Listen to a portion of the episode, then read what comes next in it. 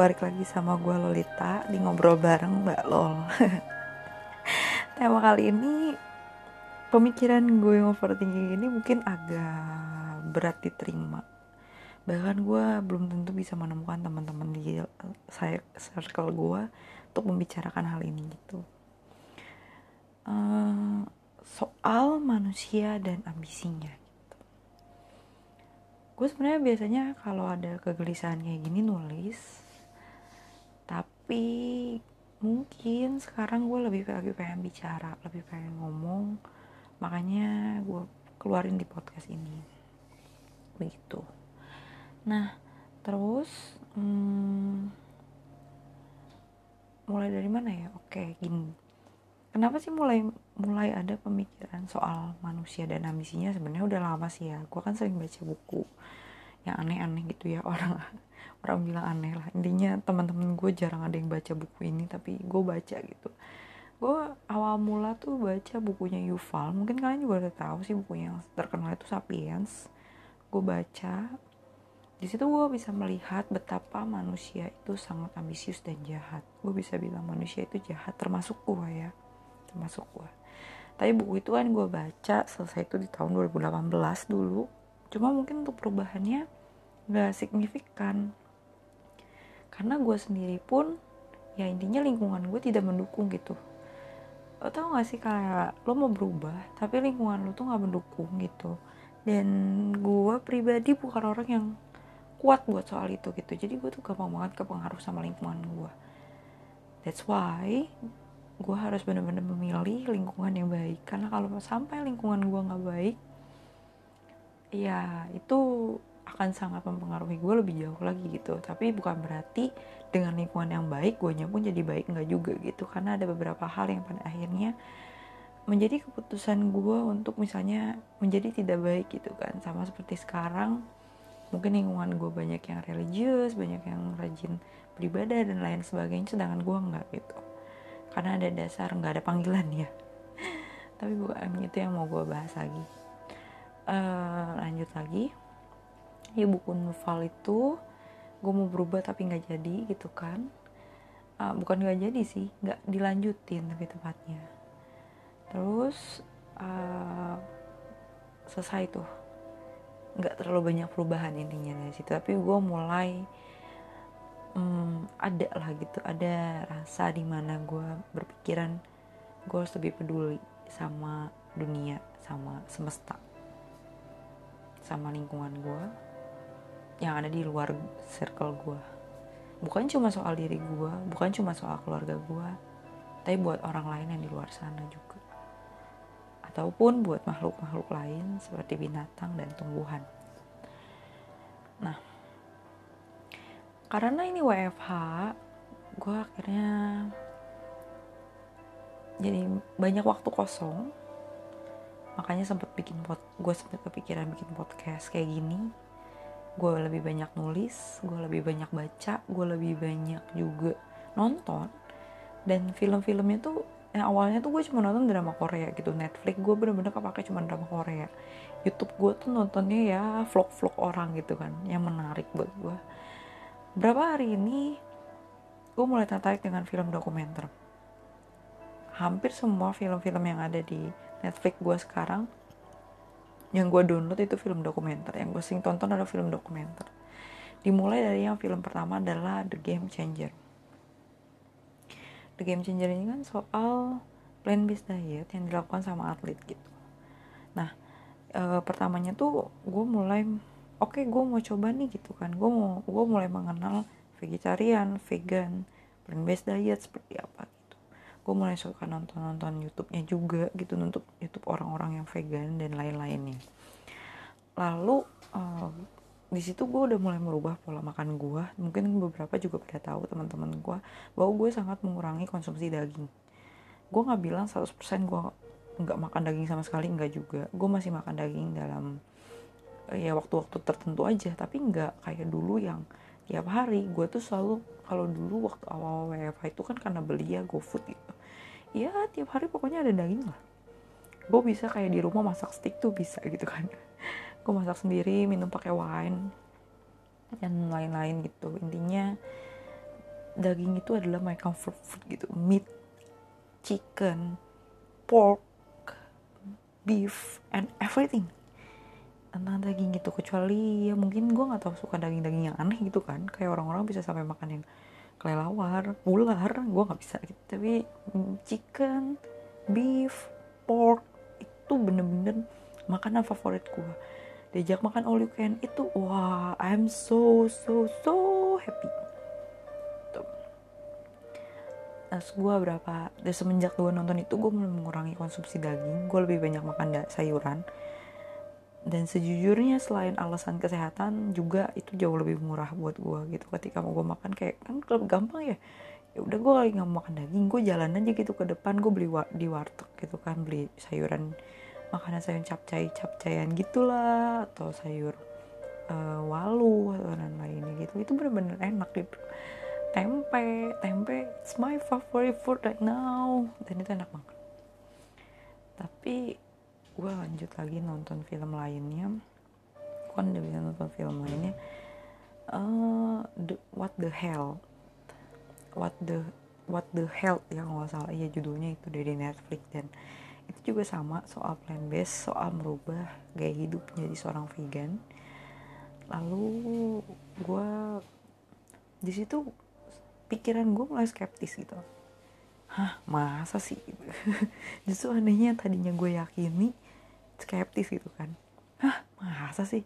Soalnya gini yang bikin gue kepikiran skeptis itu adalah ada orang yang udah bertahun-tahun dia diceritainnya di situ udah mak selalu rajin ya intinya harus ketergantungan obat gitu. Dan dia sampai hmm, agak susah jalan dia ketergantungan obat dan lalu setelah mengganti pola makannya dia jadi plan base yang katanya sih sekitar dua minggu mungkin ya kalau gue nggak salah kalau gue nggak nonton yang nggak lagi blinger kalau nggak salah dua minggu dia mengubah plan based diet terus dia bisa lepas dari obat-obatan dan dia bisa bisa ya almost jalan normal lah yang tadinya perlu alat bantu dia akhirnya bisa berdiri sendiri tanpa alat bantu gitu kan. Gue skeptis di situ sejujurnya. Pikiran gue kayak masa sih? Nggak mungkin lah gitu kan. Masa sih ada yang seajaib itu atau mereka cuma acting gitu kan. Gue cuma langsung bilang apakah mereka cuma acting? Kan bisa aja itu kan film even disebutnya film dokumenter ya tapi kan kita nggak pernah tahu di belakangnya ada apa. Gitu kan. Pikiran gue yang terlalu skeptis ini akhirnya membawa gue pada oke okay, gue tadi mau coba nih belajar. Gue satu hari vegan itu efeknya apa? Gitu.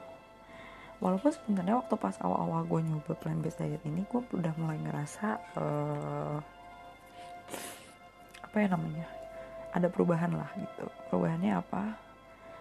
Bener sih memang waktu gue olahraga sakitnya tuh masih bisa gue tahan gitu. Yang tadi gue jarang banget olahraga terus olahraga tuh jadi jauh lebih energinya jauh lebih banyak ketimbang gue dulu waktu makannya bener-bener gak sehat. Terus gue ngerasa perut gue jauh lebih flat dia jauh lebih gue merasa badan badan gue juga walaupun badan badan gue nggak turun gitu cuman merasa lebih light gitu. My body feel like ringan gitu kan rasanya. Nah itu yang gue rasain waktu di awal-awal waktu sebelum gue nonton What the Health ini. Gue kan gue kan cuma nonton plan change, eh, game changer ini kan.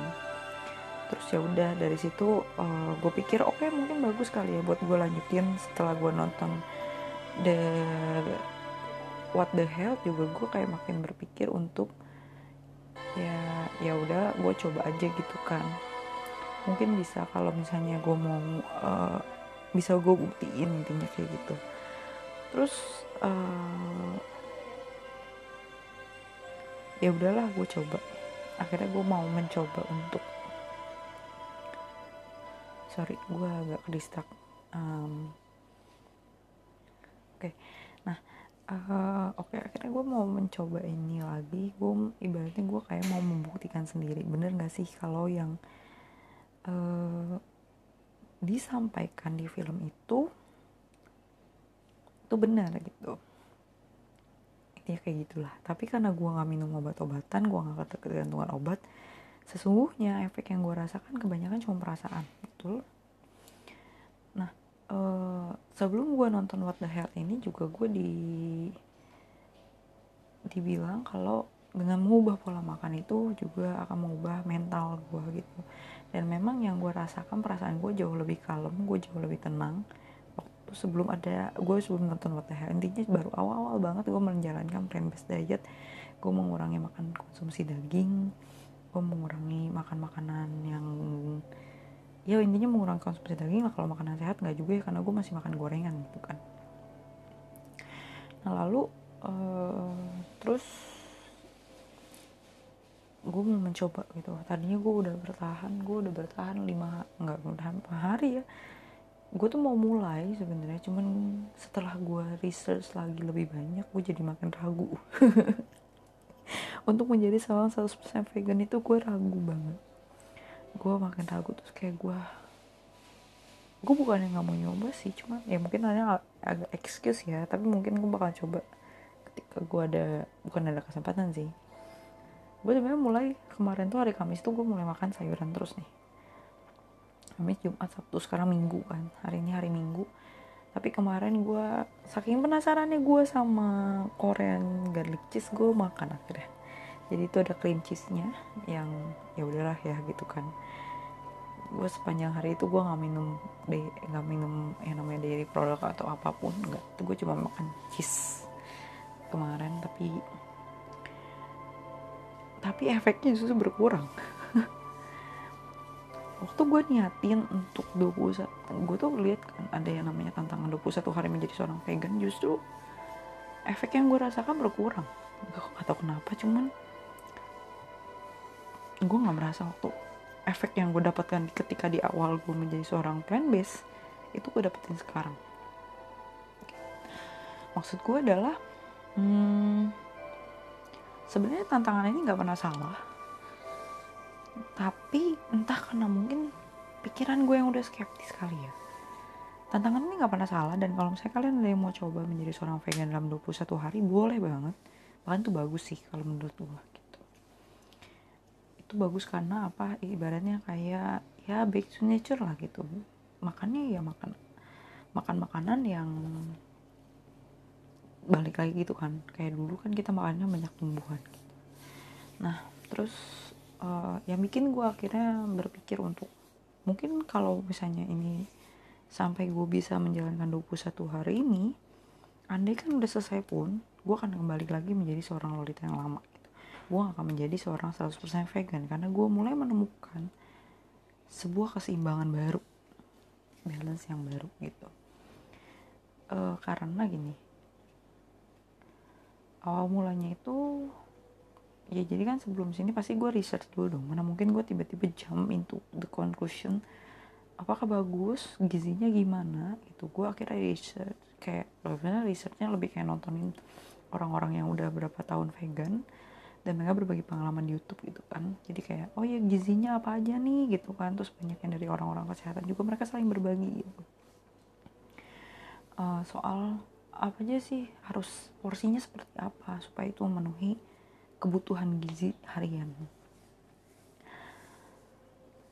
Tapi pikiran gua malah bikin bilang kayak gini.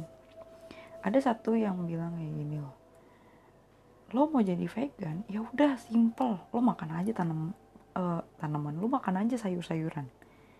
Lo masak lah uh, sayur-sayuran itu gitu kan. Kayak kalau di Indonesia gampang lah. Gudeg misalnya gudeg uh, ketoprak apa tahu itu sayuran-sayuran lain capcay misalnya. Uh, apalagi sapo tahu tempe itu banyak banget kan. Ya udah itu aja kalau emang lu niat menjadi seorang plant based sebenarnya makannya gampang ya cuma itu aja tapi sebagai seorang manusia tentu saja anda ini salah kak salah ketika tetap mencari substitusi untuk makan makanan yang seperti daging. Contohnya burger. Burger vegan. Ada yang bilang kayak gini, e, kenapa gue aduh gue lupa nih nonton yang video yang mana cuman di video ini dia ngomong kayak gini e, ketika seseorang berusaha untuk menjadi seorang vegan artinya dia tuh mencari pada uh, intinya titik puncaknya dia itu kan nyarinya kesehatan ya. Kalau misalnya dia tetap mencari saya fake ya, tetap mencari makanan junk food bedanya cuman gak ada daging apa bedanya? Bedanya cuman eh ya intinya tetap mencari junk food contoh bukan gimana ya kata-katanya? Tet, uh, ketika dia berusaha menjadi vegan tapi dia tetap cari makanan yang junk food juga itu sama-sama nggak sehat. Bedanya cuma gak ada daging. Contohnya burger-burger uh, yang prosesnya tuh benar-benar panjang kan dari jadi ya potongin sayuran dan lain-lainnya terus diproses. Mungkin mungkin secara dari kesehatan ya tentulah itu jauh lebih sehat. Bahan dasarnya sayuran yang otomatis lebih banyak serat dibandingkan kolesterol atau lemaknya gitu kan. Tapi itu junk food. Prosesnya banyak. Apa bedanya? Intinya sama-sama junk food. Gitu kan. Jangka panjang pun ya tetap ada minyaknya kok. Tetap junk food. Tetap makanan sampah junk food. Cuma bedanya nggak ada daging aja ya itu gue lagi mikir oh ya juga ya gitu kan. Buat apa juga gue mencari substitusi daging gitu. Buat apa bentuk daging? Buat apa gue mencari substitusi yang bentuknya daging? Contohnya sosis contohnya daging uh, hamburger gitu kan. Daging hamburger yang vegan gitu. Ya buat apa? Ya kalau mau plant based diet ya simple aja masaknya direbus lah. Ditumis kah? Dibuat sup kah? Direbus dipanggang ya kan? Ya jadi sebenarnya sama aja yang makanya mau ubah pola makan gue adalah balance aja lah gitu. Dengan daging yang diolahnya sedikit aja itu juga sama aja gitu buat gue kalau misalnya lu carinya junk food juga ya buat apa? Apa bedanya? Plant based diet kan ya sehat. Tapi kalau itu jadi junk food sama aja gitu kan. Ada yang bilang lah gue lupa di video yang mana gitu intinya itulah yang dia akhirnya dia tuh akhirnya jadi kayak keluar dari vegannya dia. Dan ya udah dia balik aja normal gitu kan. Uh, gue istirahat dulu bentar nanti gue balik lagi karena ini agak ke oke? Okay? see you in the next section. Enggak sih, bentar, bentar doang istirahat ya. Haus gue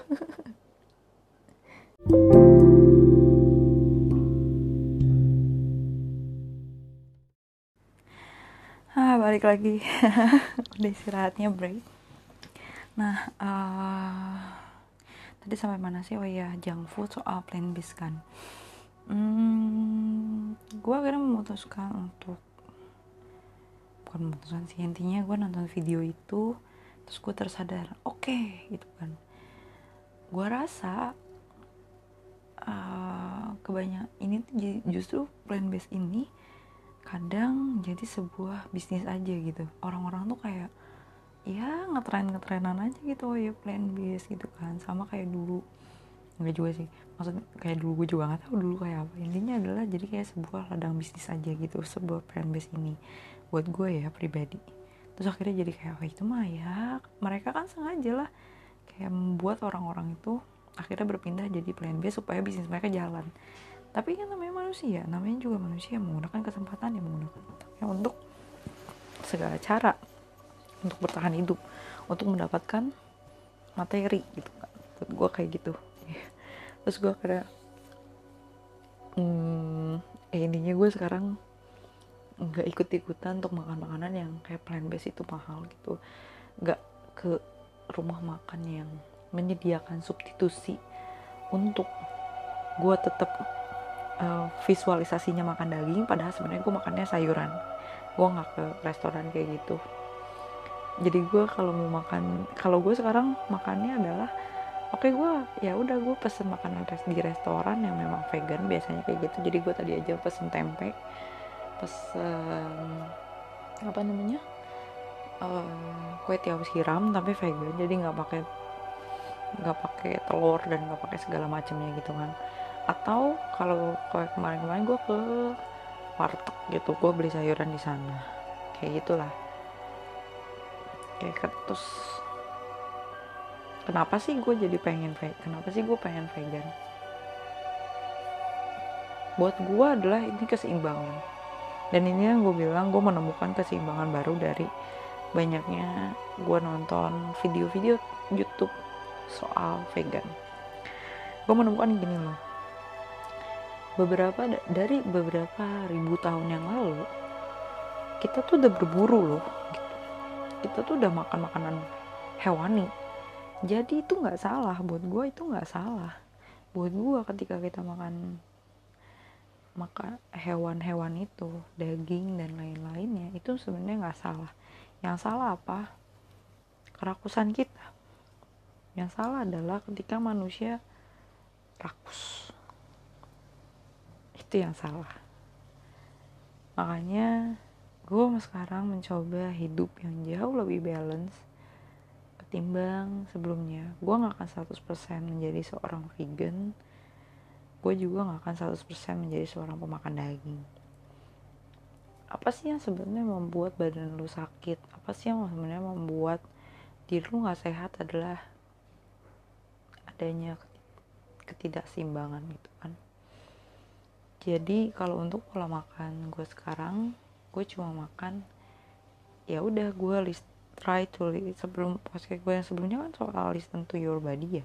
Dan itu pun yang gue sekarang masih terapkan gue dengarkan badan gue lu beneran mau gak sih gitu makan itu? Jadi kayak ya udah kalau memang gue mau makan daging gue akan makan daging. Kalau gue makan sayuran gue akan makan sayuran tapi mostly badan gue justru udah menyesuaikan. Misalnya dalam lima hari atau enam hari lah seminggu gitu kan. Enam hari gue makan full semuanya sayuran. Tapi satu hari gue akan bilang oke okay, gue mau bisa makan daging nih. Dan karena gue pencinta ayam gue akan beli ayam. Gue cinta banget ayam. Sapi juga sih cuman karena harga sapi relatif mahal gue rasa lah ya gitu kan. Karena sekarang juga gue lagi belajar untuk hidup lebih menghemat. Karena ya gue juga walaupun gue nggak tahu sih sebenarnya. Dan ini yang bakal gue bahas lagi soal ambisinya. Oke itu soal makan. Jadi kalau saran gue dibandingkan lo menjadi 100% apa 100% apa uh, karena pasti ada setiap ada resi setiap hal itu pasti ada resikonya gitu. Termasuk keseimbangan ini pun tapi keseimbangan ini buat gue adalah sesuatu yang resikonya sangat relatif kecil. Kenapa? Karena lu seimbang. Lu dalam posisi tengah lu posisi netral ibaratnya gitu loh. Dan posisi ini adalah posisi yang paling buat gue resikonya kecil lah. Lu hidup ya udah secukupnya aja gitu. Lu mak kalau lu perlu makan daging makan daging lah secukupnya. Kalau lu perlu makan sayur makan su makan sayuran lah secukupnya. Asalkan cukup. Semua badan lu akan seimbang apa pun itu. Buat gue enough is enough. Oke. Okay. ah oke. Okay. terus intinya moderate. Makan itu harus lebih moderate. Makan juga ya itu yang disebut dengan mindful juga. Makan tuh harus mindful harus tahu kapan lu perlu makan. Makan apa? Seberapa banyak? Mindful moderate lanjut lagi ke manusia dan ambisinya. Lagi karena gue habis nonton film dokumenter juga di YouTube. Ada namanya di YouTube tuh cari aja diam dan mendengarkan. Di situ juga banyak dijelasin juga soal efek-efek dampaknya dampak buruknya gitu. Nah balik lagi ke soal makan.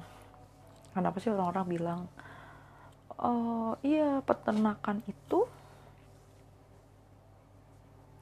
menyumbang banyak banget kerusakan alam. Mereka bilangnya kayak gitu kan uh, di plan base itu mereka bilang.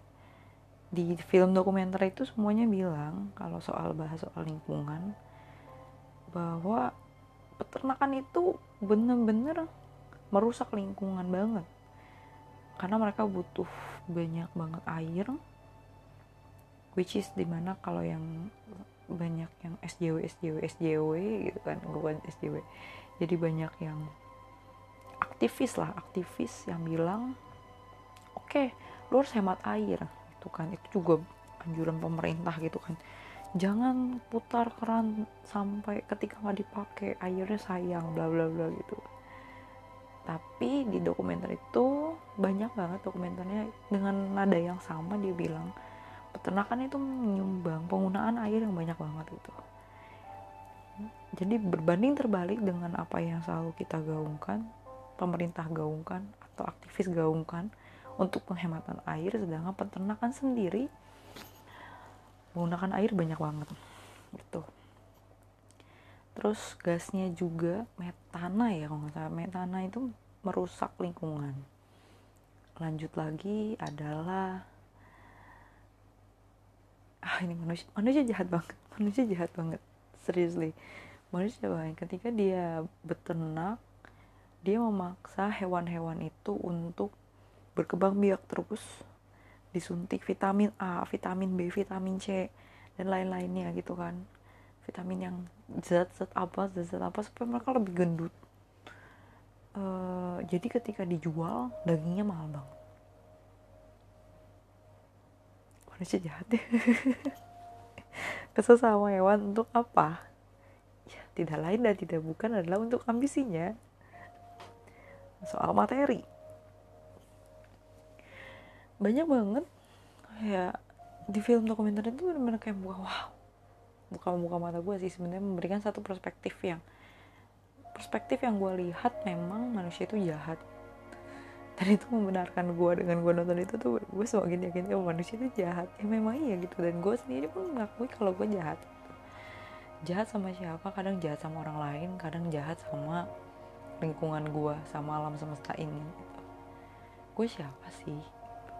Ada satu yang dibilang sama dokter Yu di film dokumenter itu dan gue gue suka banget. Manusia itu spesial? Enggak. Manusia tuh sama aja cuma berbeda aja kita bedanya kita bisa nyanyi kita bisa bikin podcast emang kecoa bisa? Enggak juga gitu kan. Tapi kita tuh berbeda tapi kita tuh nggak spesial kita tuh sama aja kita sama kecoa sama gitu kan. Kita sama hewan-hewan lain sama derajatnya. Nggak ada yang lebih rendah nggak ada yang lebih tinggi tapi kadang manusia itu merasa dia tuh lebih tinggi bahkan lebih dari sesama manusianya. Manusia itu banyak berambisi untuk menguasai dunia untuk menguasai alam semesta, untuk dihormati oleh manusia lain, untuk meng memperoleh banyak materi sampai nyakitin orang lain, membunuh untuk mendapatkan harta benda misalnya, membunuh, saling membunuh adik kakak saling berantem untuk mendapatkan warisan misalnya. Manusia dan ambisinya itu jahat banget. Gue juga orang yang ambisius kok kalau misalnya dibilang, tapi dulu sebelum gue akhirnya mencoba untuk melepaskan semua keinginan gue gue pelan-pelan belajar sih sebenarnya. Manusia dengan keinginan tuh wajar gitu. Wajar. Tapi apakah keinginan itu sampai membuat kita buta? Sampai kita menyakiti orang lain? Sampai kita menyakiti alam? Atau menyakiti diri kita sendiri? Itu yang perlu kita tahu. Ambisinya dalam hal apa? Karir misalnya contohnya gitu. Hal simpelnya ya sesimpel kayak lo pelit ilmu ketika di bangku kuliah atau di, di bangku sekolah. Ada kan orang-orang yang kayak gitu. Saking ambisiusnya dia bilang ya gue sih nggak mau berbagi ilmu. Gue takut temen gue jauh lebih pintar dari gue kira ngalahin ranking gue ada kan orang-orang kayak gitu. Bukan berarti bagi contekan ya namanya contekan tuh salah anak muda jangan menyontek buat apa anak muda gitu. Cuman ada beberapa orang yang sangat ambisius untuk mencapai rankingnya sampai dia nggak mau berbagi ilmu. Ada. Ada. Pasti ada. Walaupun mungkin sekian orang lah sekian persen gitu tapi pasti ada. Ya banyak. Dan termasuk nyontek itu pun dengan manusia dan ambisinya. Itu pun salah. Karena kadang mereka kayak nggak dibagi contekan mereka langsung bully kayak pelit banget sih lo nggak mau bagi. Itu kan manusia dengan ambisinya dan manusia itu jahat. Di kerjaan misalnya gue pengen mencapai karir ini gitu kan. Lo sama-sama dua orang bukannya meningkatkan kemampuan lo lo malah senggol-senggolan. Lo fitnah dia lo jatuhin dia dan lain-lainnya ini juga refleksi ke diri gue sendiri mungkin tanpa sadar gue bisa kayak gitu. Dan mungkin kalian juga. Banyak kok gitu manusia dan ambisinya. Ya termasuk itu. Kenapa sih mengurangi makanan makan daging kalau memang itu itu kan merusak ya? Sesuatu yang berlebihan itu merusak termasuk dengan adanya peternakan yang luar biasa banyak itu.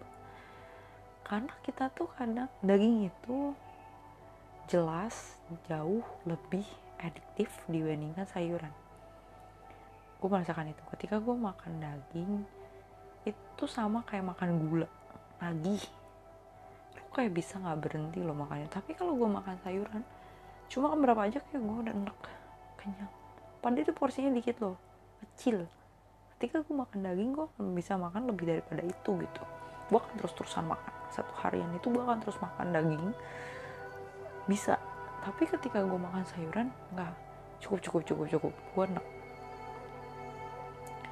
daging itu adiktif makanya orang-orang banyak yang saking pengen kaya oh iya oke okay, gue beternak sapi lah gitu. Tapi beternaknya dengan cara yang nggak baik karena mereka mengejar ambisinya untuk menjadi seseorang yang kaya gitu.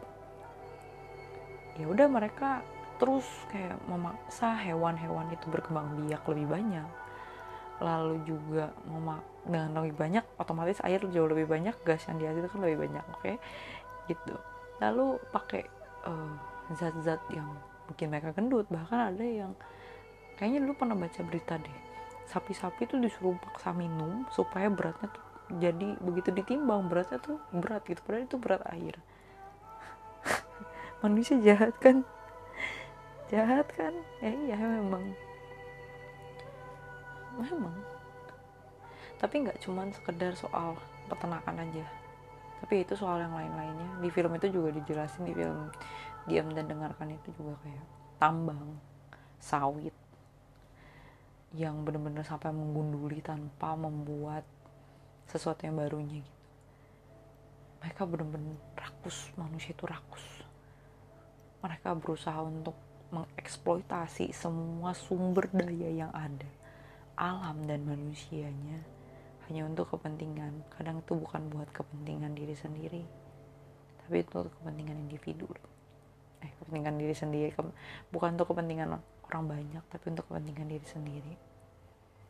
Manusia itu jahat manusia itu ambisius seperti itu mereka lupa. Mereka lupa. Dengan mereka merusak itu sebenarnya mereka sedang merusak tempat tinggal mereka. Mereka selalu concernnya untuk gua dan keturunan gua untuk gua dan keturunan gua untuk gua dan keturunan gua. Bagaimana dengan alam ini? Kita tuh hidup berdampingan loh. Kita tuh hidup bersama satu dengan yang lainnya di alam semesta ini. Entah dengan manusia lainnya, entah dengan hewan, entah dengan tanaman, entah dengan gunung-gunung, lautan, air dan lain sebagainya. Tapi kita dengan mudahnya kayak merusak hanya untuk sebuah ambisi. Makan daging itu nggak salah, tapi kalau berlebihan apalagi sampai menyakiti hewan, apalagi sampai membuat hewan itu tersiksa, sengaja diternak untuk sengaja lebih banyak supaya kita mendapatkan uang itu yang salah di rimba itu juga gue percaya mereka juga masih makan daging. Tapi mereka membutuhkannya oke mereka hari ini gue mau pengen gue butuh makan daging. Terus mereka melihat sapi mereka bunuh sapinya sehari itu selesai.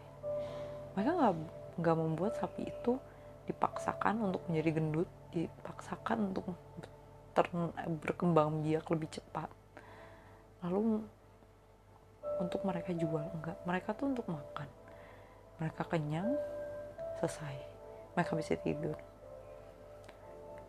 Ya kan?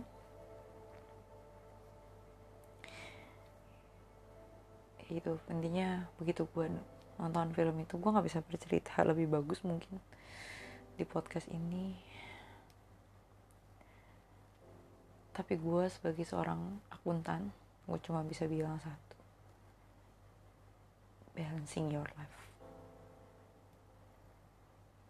akuntansi itu kan terkaitan dengan balance ya.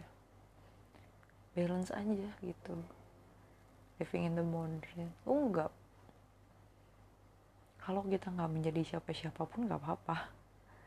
Yang penting kita punya kecukupan. Gitu. Kalau buat gue ya kadang-kadang ada orang yang sampai menyiksa dirinya sendiri dan menyiksa orang lain menyiksa alam hanya untuk sesuatu yang kalau buat gue sendiri sih fana ya. Ya buat apa sih? Buat apa gitu. Bahkan ketika lo menjadi biasa-biasa aja itu nggak salah. Ada ribuan ratusan juta orang yang biasa-biasa aja. Nggak semua orang jadi istimewa. Bahkan kita tuh nggak istimewa. Kita tuh nggak spesial biasa aja. Kita tuh benar-benar biasa aja. Terlalu biasa aja. Kenapa? Gue jadi melo banget lah bikin ini karena memang ini yang banyak di pemikiran gue tuh selalu kayak gitu masih kadang gue kayak misalnya gue ambisius nih gue pengen punya rumah. Gue pengen punya rumah di usia sekian. Apa ini ya gue dan itu justru membuat gue stres. Gue tahu gue sedang menantang yang namanya waktu. Bahwa ya buat apa? Ketika gue kembali ke alam pun ya maksudnya gue udah mati pun gue akan membawa itu. Untuk anak cucu gue nggak juga. Gue belum tentu beranak pinak. Ya kan ya tapi memang itu balik lagi basic ke kalian. Cuman satu hal yang perlu yang gue pengen tekanin itu adalah tetap keep everything balance. Cukup. Enough is enough. Gak usah terlalu berlebihan akan segala sesuatunya. Belajarlah untuk mencukupkan diri dan sebagai seorang akuntan gue cuma bisa satu kata balance. Itu aja. Itu aja dari gue selamat hari minggu. Semoga harimu menyenangkan. Bye